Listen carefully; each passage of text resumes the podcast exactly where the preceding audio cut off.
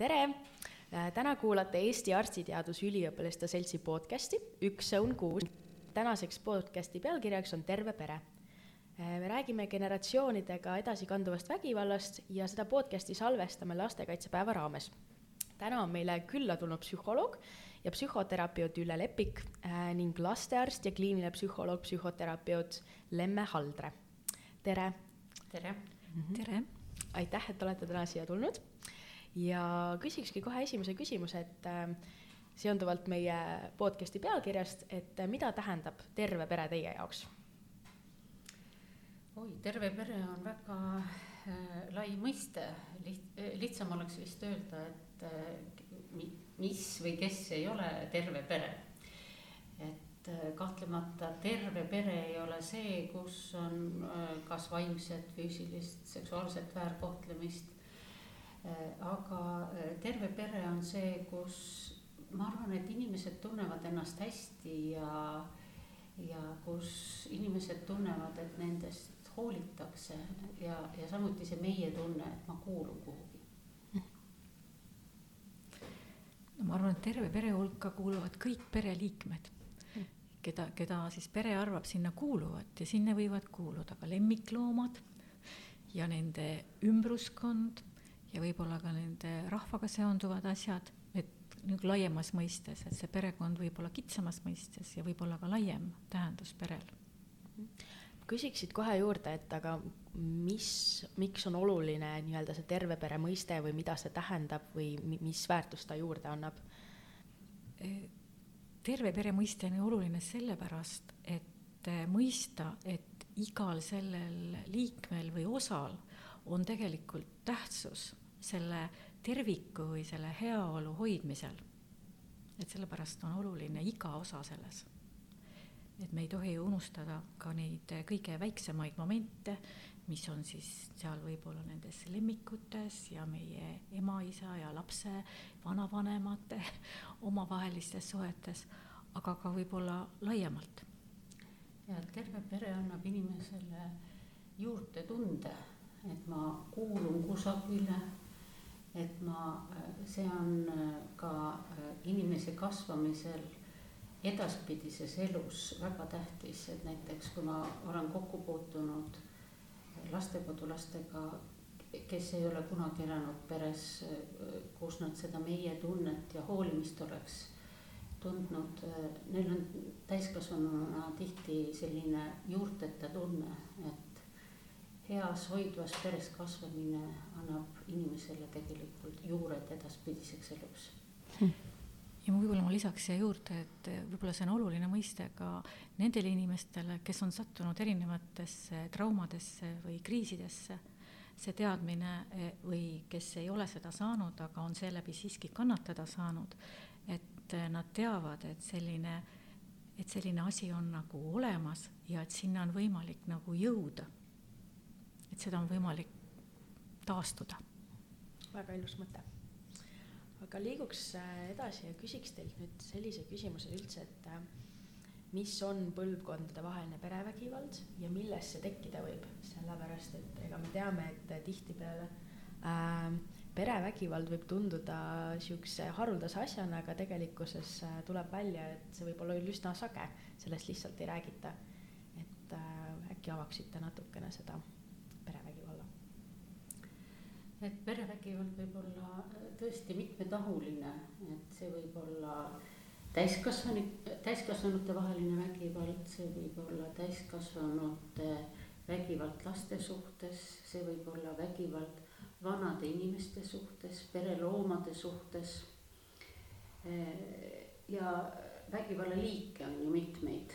on vaimne, füüsiline, seksuaalne vägivald aga tegelikult kõikehõlmav on see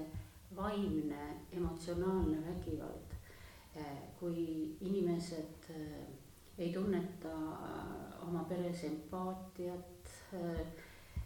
neid võib-olla tõrjutakse, on, on emotsionaalne külmus või osa pereliikmeid on väga enesekesksed. see emotsionaalne tõrjutus, emotsionaalne vägivald tegelikult loob katuse teisteks vägivallaliikideks. Äh, ja et perevägivald on mitmetahuline, aga, aga emotsionaalne vägivald on üks, üks katus nendel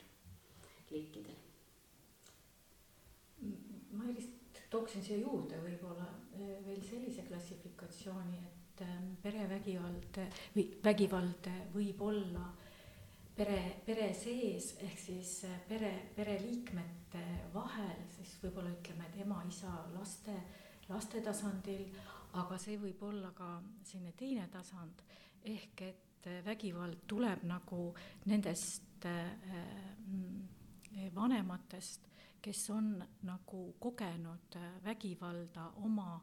oma lapsepõlves ja kes on selle vägivalla nagu edasi toonud siis järgmisesse põlvkonda ja Selma Freibergi järgi võib see ulatuda kuni neli põlve tagasi mm. -hmm. nii et te ütleksite, et äh, perevägivald, äh, see juurpõhjus on äh, nelja põlve tagused esivanemate halvasti käitunud siis käitumismustreid Te mainisite ilusti, et seda, et perevägivald, põlvkondadevaheline perevägivald võib tuleneda siis mitme põlve tagusest ajast. aga kas on ka mingeid muid faktoreid, mis äh, et kui me nüüd elimineerime selle põhjuse, et kas on mingeid muid faktoreid, mis, mis võivad siis äh, põhjustada? et äh,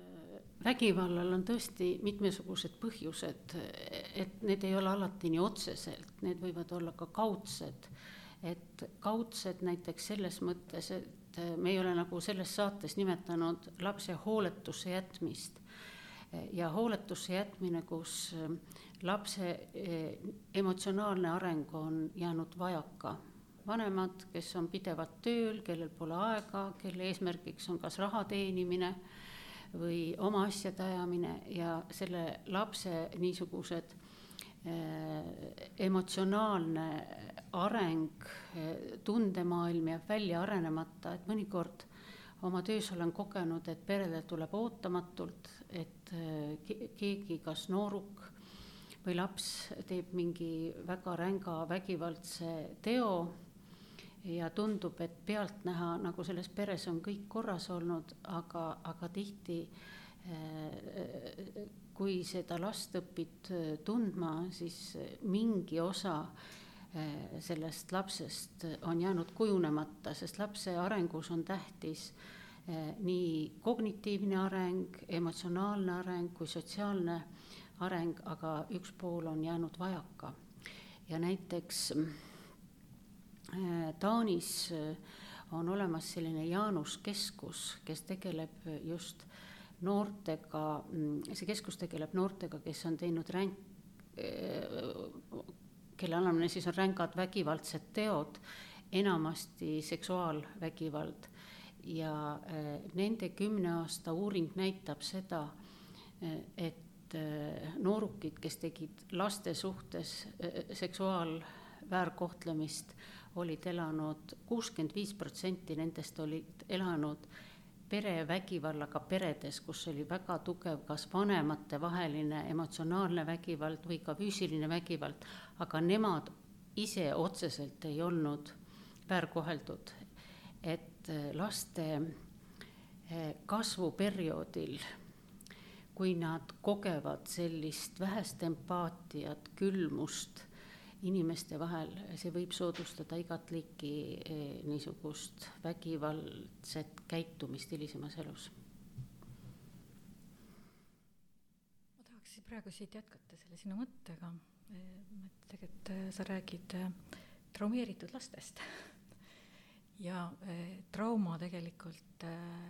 igal juhul jätab jälje kogu lapse arengule ja mõjutab tema seda meele kujunemist ja tema sisemist konstruktsiooni, psüühilist konstruktsiooni. ja äh, selle puhul siis on see, et väga oluline ongi, et äh, mis eas see trauma nagu toimub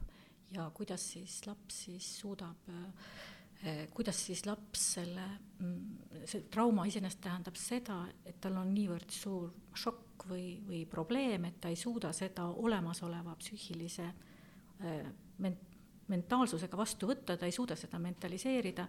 ja selleks, et siis toime tulla, ta kasutab nagu erinevaid äh, kaitse, kaitsemehhanisme. aga kui need kaitsemehhanismid jäävad nagu pidama, siis need hilisemas elus nagu kahjustavad nagu lapse arengut. ja no noh, oleneb siis, et millises eas parasjagu see trauma nagu lapsel tuleb. Et eh, kui meil on näiteks selline kolmeaastane laps, kes kardab kohutavalt kolle ja siis, kui juhtub, et nende majja murrab sisse varas, siis eh, tegelikult on see asi saanud reaalsuseks. et ongi nii, et võibki juhtuda, et kõik kollid ongi reaalselt olemas, ehk et tal ei ole enam seda turvalist kaitset, ehk et et tegelikult noh, seda juhtub harva või seda tuleb ette, aga siiski mitte iga kord ja ka tulevases elus võib seda, seda jäädagi nagu mõjutama. või eh, võib olla ka see, et see mõjutab võib-olla peale selle emotsionaalse sellise eh, eh, meeleprobleemi ja emotsionaalse probleemi võib mõjutada kognitiivset poolt samamoodi, et lapsed võivad selle tõttu näiteks äh, ei, ei suuda näiteks arvutama õppida. et tõesti, et trauma võib mõjutada lapsi mitmel tasem, eh, tasandil, et eh, näiteks on tehtud uuringud siis lapse mm, aju suhtes, et kui me nüüd mõtleme mm, tavalise inimese peale, kes ühekordselt kogeb mingit stressi, siis tema stressihormoonid on kõik eh, organismis aktiveeritud aga nüüd kujutame ette eh, last, kes kogeb eh, stressi eh, perevägivalla näol iga päev, kui ta tuleb kas lasteaiast või koolist, ta ei tea, mis juhtuma hakkab. see tähendab, et tema stressihormoonid on pidevalt aktiveeritud. Ja see tegelikult mõjutab lapse limbilist süsteemi mille, kus asub siis eh, hipokampus ja teised tuumad, mis on seotud emotsioonidest arusaamisega ja õppimisega. ja nende laste ühelt poolt nende endi arusaamine emotsioonidest ja emotsioonidega toimetulek saab kahjustatud, aga äh, kuna selles piirkonnas on ka üks oluline õppimisega seotud keskus, siis saab äh, nende laste äh, tiki, tekivad tihti mäluprobleemid ja just ka lühimäluprobleemid, et need on siis lapsed, kes mm, näiteks eelmisel päeval õpivad kodus luuletuse ära ja järgmine päev lähevad vastama kooli ja nad ei mäleta seda. et õpitu nendel ei salvestu sellisel moel nagu teistel inimestel, selle kohta on päris palju siis äh, neurofüsioloogias äh, neid uuringuid tehtud. ja, ja mitte ainult emotsionaalne kahjustus, vaid ka kognitiivne kahjustus võib nendel äh, lastel siis tekkida. Viimased uuringud näitavad tegelikult seda mõju nendele keemilise märgi tekkimist ka geenidele ja vot seda antakse edasi siis ka tulevikupõlvkondadele ja see ei toimu nüüd, nüüd otseselt, et see geen nüüd muunduks, vaid et see toimub siis epigeneetiliselt. ja neid uuringuid äh, on siin tehtud e, eelkõige just teise maailmasõja mm, läbi elanud holokausti äh, ellujääjatele, kelle vanemad on siis üle elanud äh, holokausti ja, ja siis on uuritud äh, nende lapsi. ja nendel lastel on, äh, nendel lastel on pa-, palju rohkem, oluliselt rohkem psühhiaatrilisi ja psüühilisi probleeme kui äh, nii-öelda tavapopulatsioonis ja, ja sedasama on täheldatud ka Ameerikas, just see üle põlvkondade liikumist, et on uuritud ka Ameerika kodusõja sõdurite äh, äh, poegi ja samamoodi on äh, leitud, et ka ütleme, nendel on siis rohkem siis just nimelt erinevaid seal psüühilisi häireid. Ja üks huvitav uuring on tehtud ka veel madalmaades mida ma tahaksin tuua välja, kus on eh, eh, oli neljakümne neljandal aastal nimelt ei toodud sinna eh, toitu, neljakümne neljanda aasta oktoobris, ja kui siis mais neljakümne viiendal aastal nad vabastati, siis muidugi kakskümmend tuhat inimest suri ikkagi nälga, aga selgus, et nendel, kes olid siis rasedad, et nende lapsed sündisid oluliselt raskematena kui need teised lapsed, kes ei olnud seda, selle, seda nälga talunud. ja kui neid lapsi siis uuriti niimoodi longitudinaalselt, siis keskeas nagu selgus, et nendel lastel oli rohkem ülekaalu, diabeeti, eh, kardiovaskulaarseid haigusi, skisofreeniat, nii et, et, et see, see trauma mõju on tegelikult liikunud nagu üle, üle põlvkonna siis sellisel, sellisel moel kui te juba mainisite sõda, siis küsiks, et nüüd paar päeva tagasi tegelikult täitus siis Ukraina sõja algusest äh, täpselt kolm kuud. et mis te arvate, et kuidas või mis pärandi võib see jätta nüüd sihukese psühholoogilise pärandi just äh, meie generatsioonile ja äh, peredele? Trauma, kui me räägime mm, Ukraina sõjast, et äh, et seal on kindlasti kahte liiki traumat, et üks äh, hulk traumasid on sellest tingitud, et inimesed, kes otseselt olid vägivalla all kannatanud äh, ja, ja samuti inimesed ja lapsed, kes nägid seda vägivalda pealt, äh, nendel võivad kujuneda tõsised posttraumaatilise stressireaktsioonid mis tegelikult isegi praegusel perioodil ei ole eh, tõenäoliselt veel avaldunud, et, et see, seda me näeme alles võib-olla eh, mõne kuu pärast sügisel. et, et see trauma kujunemise tsükkel on lihtsalt selline. Eh, teine hulk inimesi on need, kes ei näinud, kes ei kogenud, aga on kaudselt seotud äh, selle traumaga. Äh, see on see sekundaarne trauma, et ka äh, praegu olen ma kokku puutunud inimestega, näiteks Eestis elavate ukrainlastega, kes ei ole Ukrainas olnud, aga kes elavad kõike seda üle, mis praegu seal toimub ja ka nendel inimestel on siiski traumanähte, unehäireid, igasuguseid ärevuse probleeme. et, et need on inimesed, kes on kaudselt mõjutatud. samuti traumal võivad olla ka kaugeleulatuvad mõjud selles mõttes, et lapsed, kes ei ole otseselt, võib-olla ei saa praegu aru, mis toimub aga see on see magaja efekt, mis äh, tekib võib-olla isegi äh, mingite aastate pärast, et see on umbes nii nagu lapsed, kes elavad lahutatud peredes, et mõnikord nad nelja-viieaastaselt ei ela seda üle, aga kui nad saavad teismeikka ja hakkavad kõike seda mõtestama Äh, mida nad kogesid ja mida ma nägin, siis äh, tihti need äh, traumanähud tekivad neil hiljem, seda nimetatakse magaja efektiks ja, ja tõenäoliselt see mõjutab väga pikki aastaid neid inimesi, kes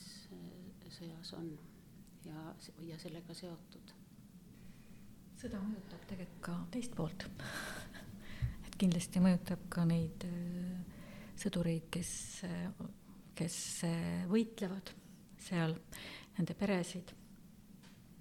ja, e, ja nende hulgas on kindlasti ka selliseid võitlejaid, kes on traumeeritud.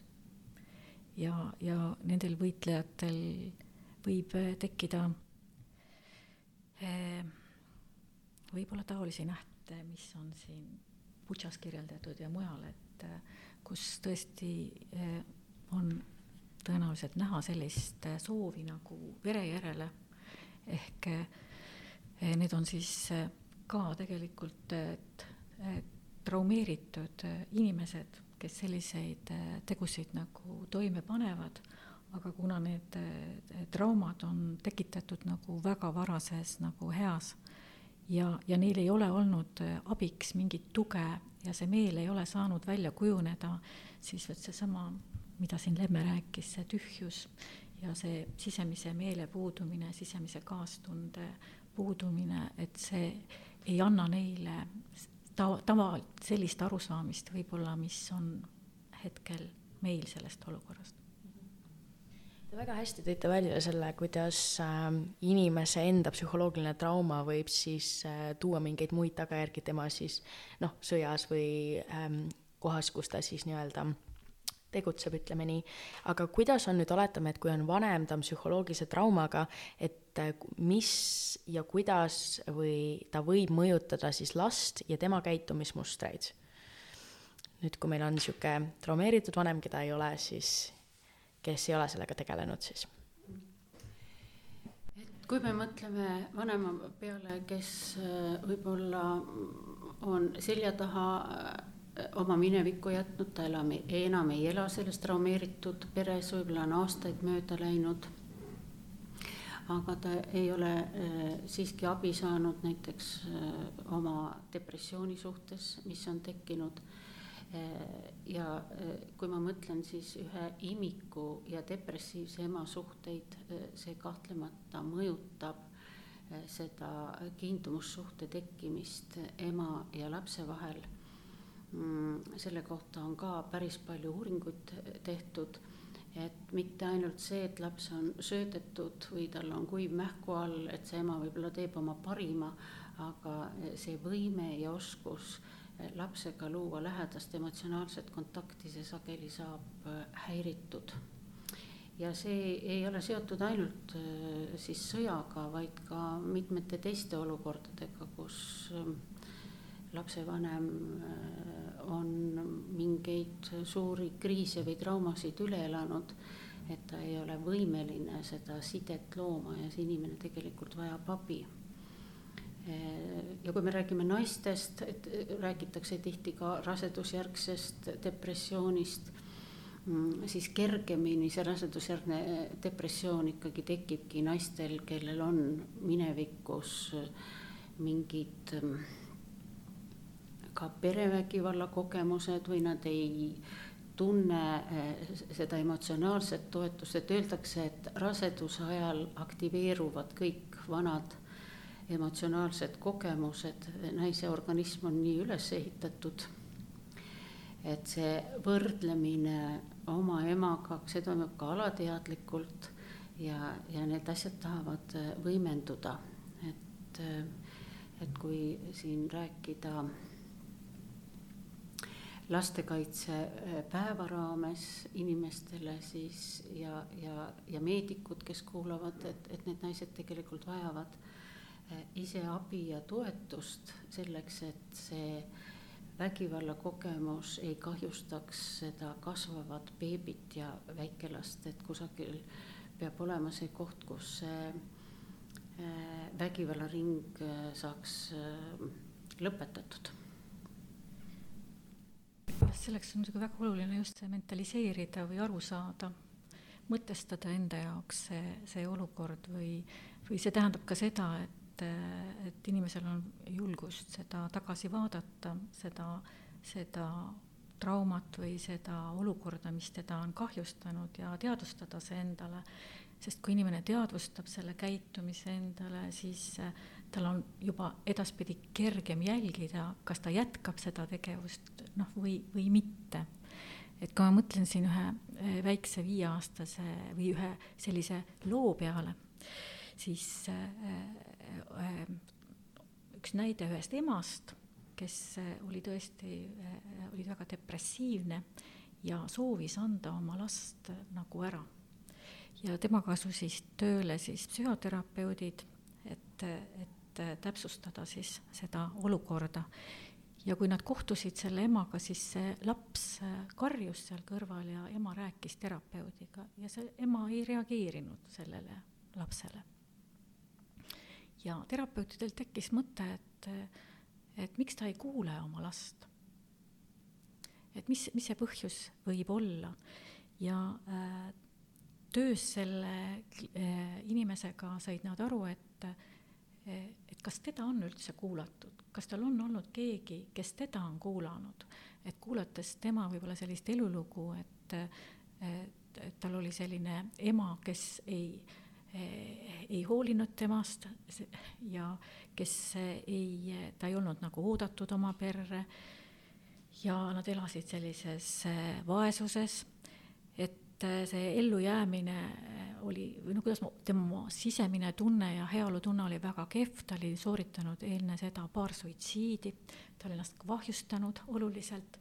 ja kuigi see oli nagu mööda läinud ja ta oli leidnud endale partneri ja ta, nad olid abiellunud ja nad olid nagu õnnelikud, siis äh, äh, millegipärast oli, oli ta ikkagi sellele teele asunud. Ja kui nüüd ema nagu teadvustas selle oma loo, et mitte keegi ei olnud teda kuulanud mitte kellelegi, ta ei olnud vajalik, et ta oli nagu üksi, ta oli nagu maha jäetud ja hüljatud. Ja kui ta selle nagu kõvasti välja ütles, et mitte keegi ei tohi olla üksi maha jäetud ja hüljatud, siis, siis tema see suhtumine ja arvamine sellesse lapsesse hakkas muutuma ja ta hakkas seda last nagu võtma sülle ja, ja niimoodi järk-järgult nagu tekkisid need uuesti need harjumused hoolitseda lapse eest. et, et selleks, et kasvaks nagu seesama hea laps ja, ja oleks terve pere et hästi oluline on üksteise nagu toetamine ja hoolimine ja, ja, ja kuulamine ka siis, kui on toimunud midagi väga-väga rasket. ehk et eh, võib-olla see on üks asi, mida vahel on ka emadel väga raske teha, noh näiteks kui eh, väike laps võib-olla eh, saab omale väikse õe või venna ja võib tekkida selline väike kadedus et tema saab nüüd rohkem tähelepanu, siis võib sellel emal muidugi väga keeruline olla, aga, aga võib-olla siis eh, on võimalik tal kellegagi seda arutada või et seda selleks, et nagu ellu jääda ja seda katkestada, seda ringi, tuleb rääkida, tuleb rääkida, mitte vaikida. Et esimene samm siis äh, mõistmine, probleem, probleemi mõistmine ja siis teiseks äh, ongi probleemiga tegelemine. Nii, kui ema nüüd mõistab, et äh, tal on soodumus ja tal on risk olemas selleks, et ta võib nii-öelda oma lapse tervist, vaimset tervist just kahjustada enda mineviku traumade tõttu, mis ta peaks siis tegema, et ta mõistab probleemi, esimene samm on tehtud, aga mis oleks see järgmine samm? et nii nagu Ülle siit kõrvalt ütles, et kõige tähtsam on see, et ma ei liigu autopiloodil, et ma Äh, vahepeal võtan aja maha ja küsin enda käest, et kuidas mina praegu tunnen, mis ma praegu teen, et endale neid küsimusi esitada, sellepärast et ähm, need põlvkonnad, äh, kes on meie selja taga olnud, need kahtlemata siiski mõjutavad, et palju, äh, ma arvan, et paljud võivad öelda, et aeg-ajalt ma räägin oma ema häälega või kasutan oma vanaema sõnu, see tuleb inimestele automaatselt. Ja äh, küllap on igas perekonnas ka häid asju, mida võtta kaasa, et mina pereterapeudina alati, kui inimesed äh, kritiseerivad oma perekondas, küsin, et aga mis on see, mida sa väärtustad ja mida sa kaasa võtaksid. ja et me ei saa kõigele kriipsu peale tõmmata. et mõnda asja ma võtan kaasa, aga endale öelda, et neid asju ma kaasa ei võta teine asi on see, et inimesed, kes on kogenud halbu asju, näiteks nad on kasvanud väga autoritaarses ja karmis perekonnas, tihti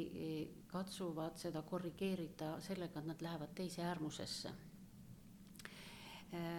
Et pereterapeudina olen ka seda kogenud, et lapsele on kõik lubatud, tal ei ole reegleid, sest see inimene on ise väga karmis perekonnas elanud. Tähtis on iseenda jaoks mõtestada, et milline on see kesktee selle vahel, kus ma ise kasvasin ja mida ma tahan oma lapses näha. ja, ja mõnikord siis ka otsida kõrvalist abi selles, et objektiivselt keegi aitaks näha, et kuida-, kuidas nüüd praegu võiks. ma tahaks öelda, et iga ema on piisavalt hea ema et eh, selle, seda peaks iga ema meeles pidama, sest iga ema on väga eraldi olemas olu-, olukorras. et ükski ema ei ole samasuguses olukorras. ja, ja kui ta juba seda teadvustab, et tal, et tal on mingisugune selline küsimus, siis ma arvan, et ta kindlasti leiab ka kellegi, kelle poole nagu pöörduda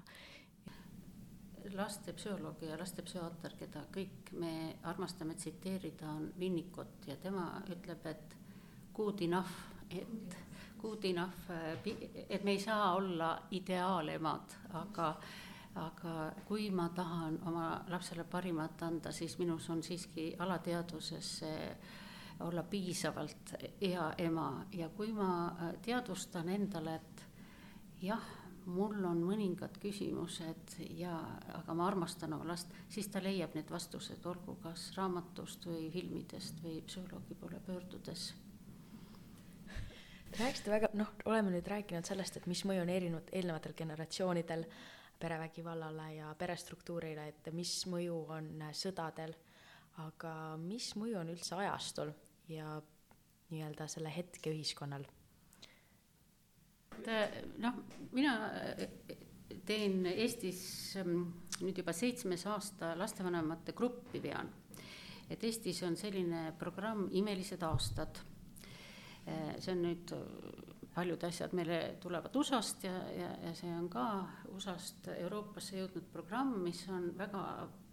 edukalt paljudes Põhjamaades ja Kesk-Euroopa riikides käiku läinud ja Tervise Arengu Instituudi äh, eestvedamisel on see programm nüüd sisse viidud praktiliselt Eesti igasse maakonda ja sinna tulevad siis lapsevanemad, kes nelja kuu jooksul läbivad igasugused erinevad teemad äh, seoses lastega. ja kuna mina ise äh, ei kuulu enam nii väga noorte generatsiooni, pigem vastupidi, äh, siis see on ikkagi huvitav kuulata, et, et kui mina oma lapsi kasvatasin, et siis oli meil ju ainult see Spocki raamat, mille järgi me kõik rida ajasime, see oli ainukene raamat lastevanematele ja, ja need äh, paljud ähm, äh, suhtumised äh, on ikkagi väga muutunud ja ajastu kahtlemata mõjutab ja, ja mulle meeldib, et need noored vanemad, kes seal grupis käivad, et nad mõtlevad aktiivselt, nad, nad arutavad, need ei võta igat asja sõna-sõnalt, vaid nad kahtlevad ja ja otsivad ähm, lisamaterjali, et ma arvan, et see on väga-väga palju muutunud ja, ja see on väga-väga tore, et äh, automaatselt ei kopeerita mingeid autoriteete, vaid äh, minu arust rohkem on sellist oma mõtlemist. kindlasti sihuke teadlikum äh, laste kasvatamine ka siis mingil määral? jaa, ma arvan, et kindlasti mm. -hmm muidugi ka informatsiooni saavad noored inimesed kergemini kätte, et äh, otsitakse materjali ka teiste riikide mm, põhjal ja teiste kogemuste põhjal, et ma arvan, et see on muutunud. no eks ühiskond ütleb, mis on oluline. ta annab meile väärtusskaala ette. muidugi alati võib olla inimesi, kes on natuke teises väärtusskaalas aga, aga üldjoontes tõesti see ühiskond või see ajastu oma, oma, oma sellise informatsiooniga ja keskkonnaga mõjutab inimese meelt ja, ja tema arengut, sest see on üks aspekt, mille, mille kaudu tegelikult see inimese meel nagu kujuneb.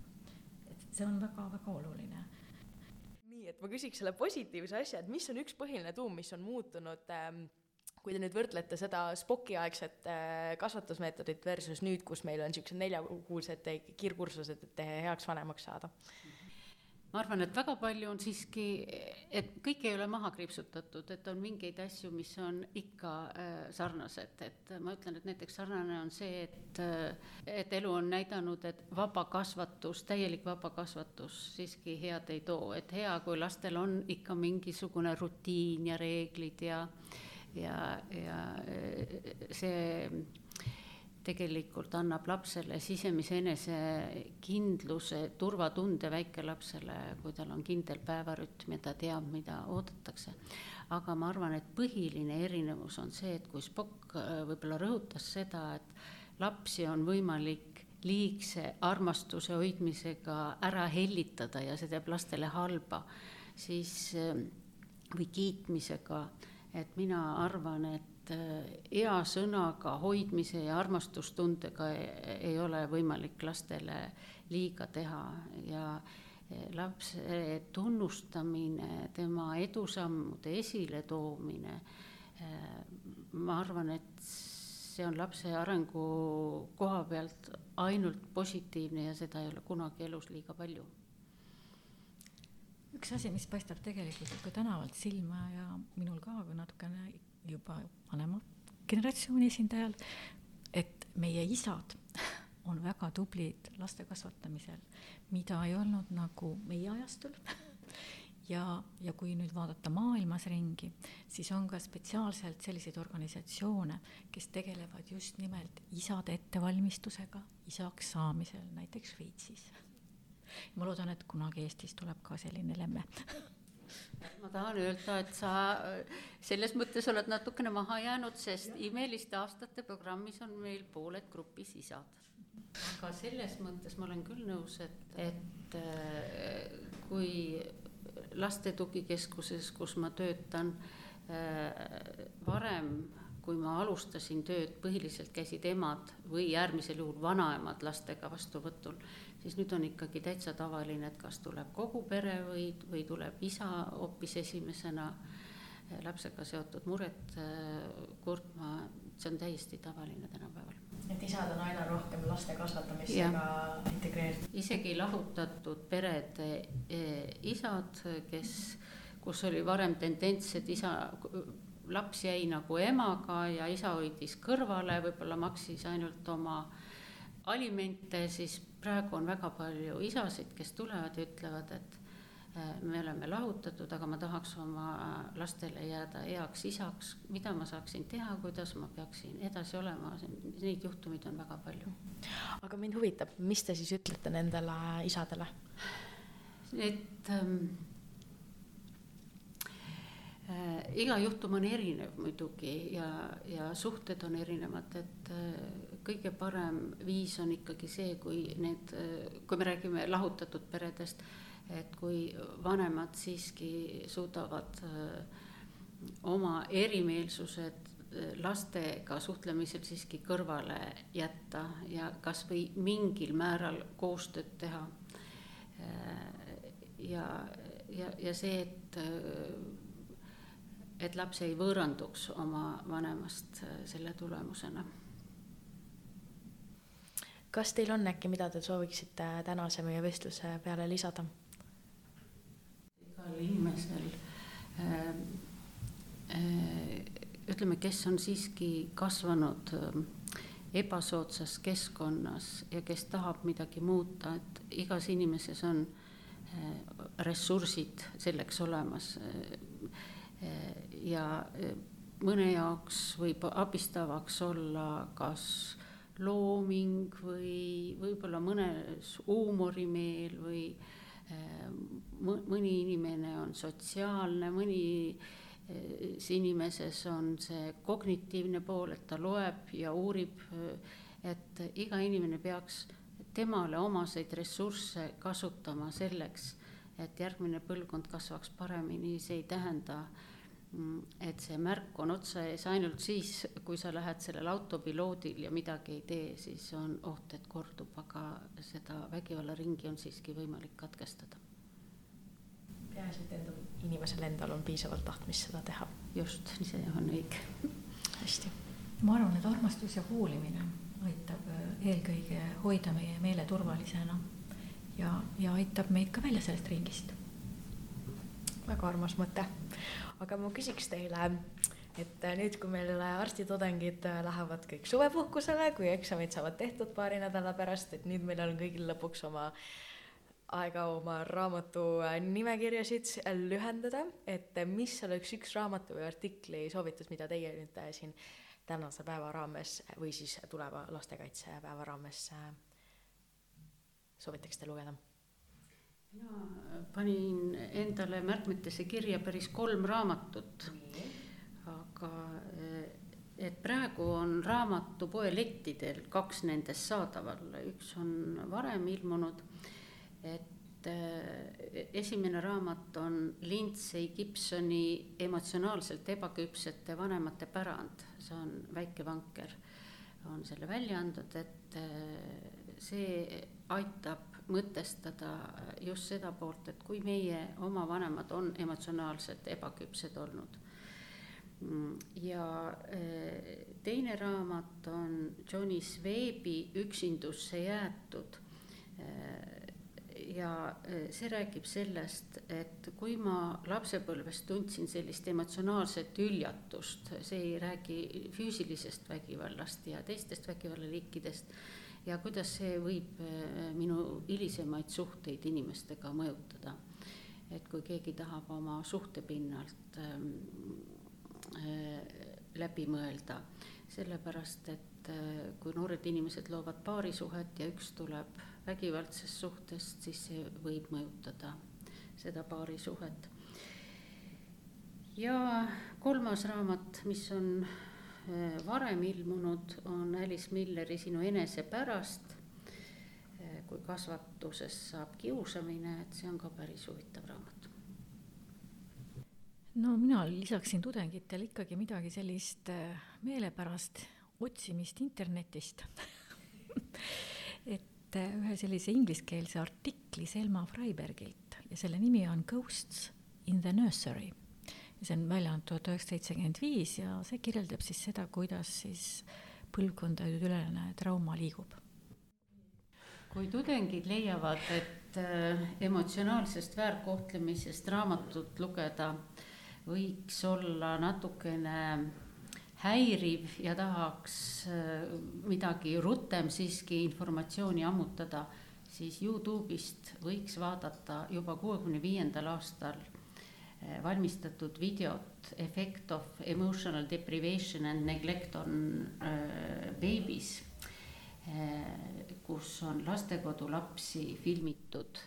äh, neli erinevat juhtumit Äh, see on väga-väga huvitav äh, video, soovitan seda vaadata, see on, see lühike video tegelikult võib-olla isegi ütleb rohkem kui mõne raamatu läbilugemine nendest, mida nimetasime. Suur aitäh teile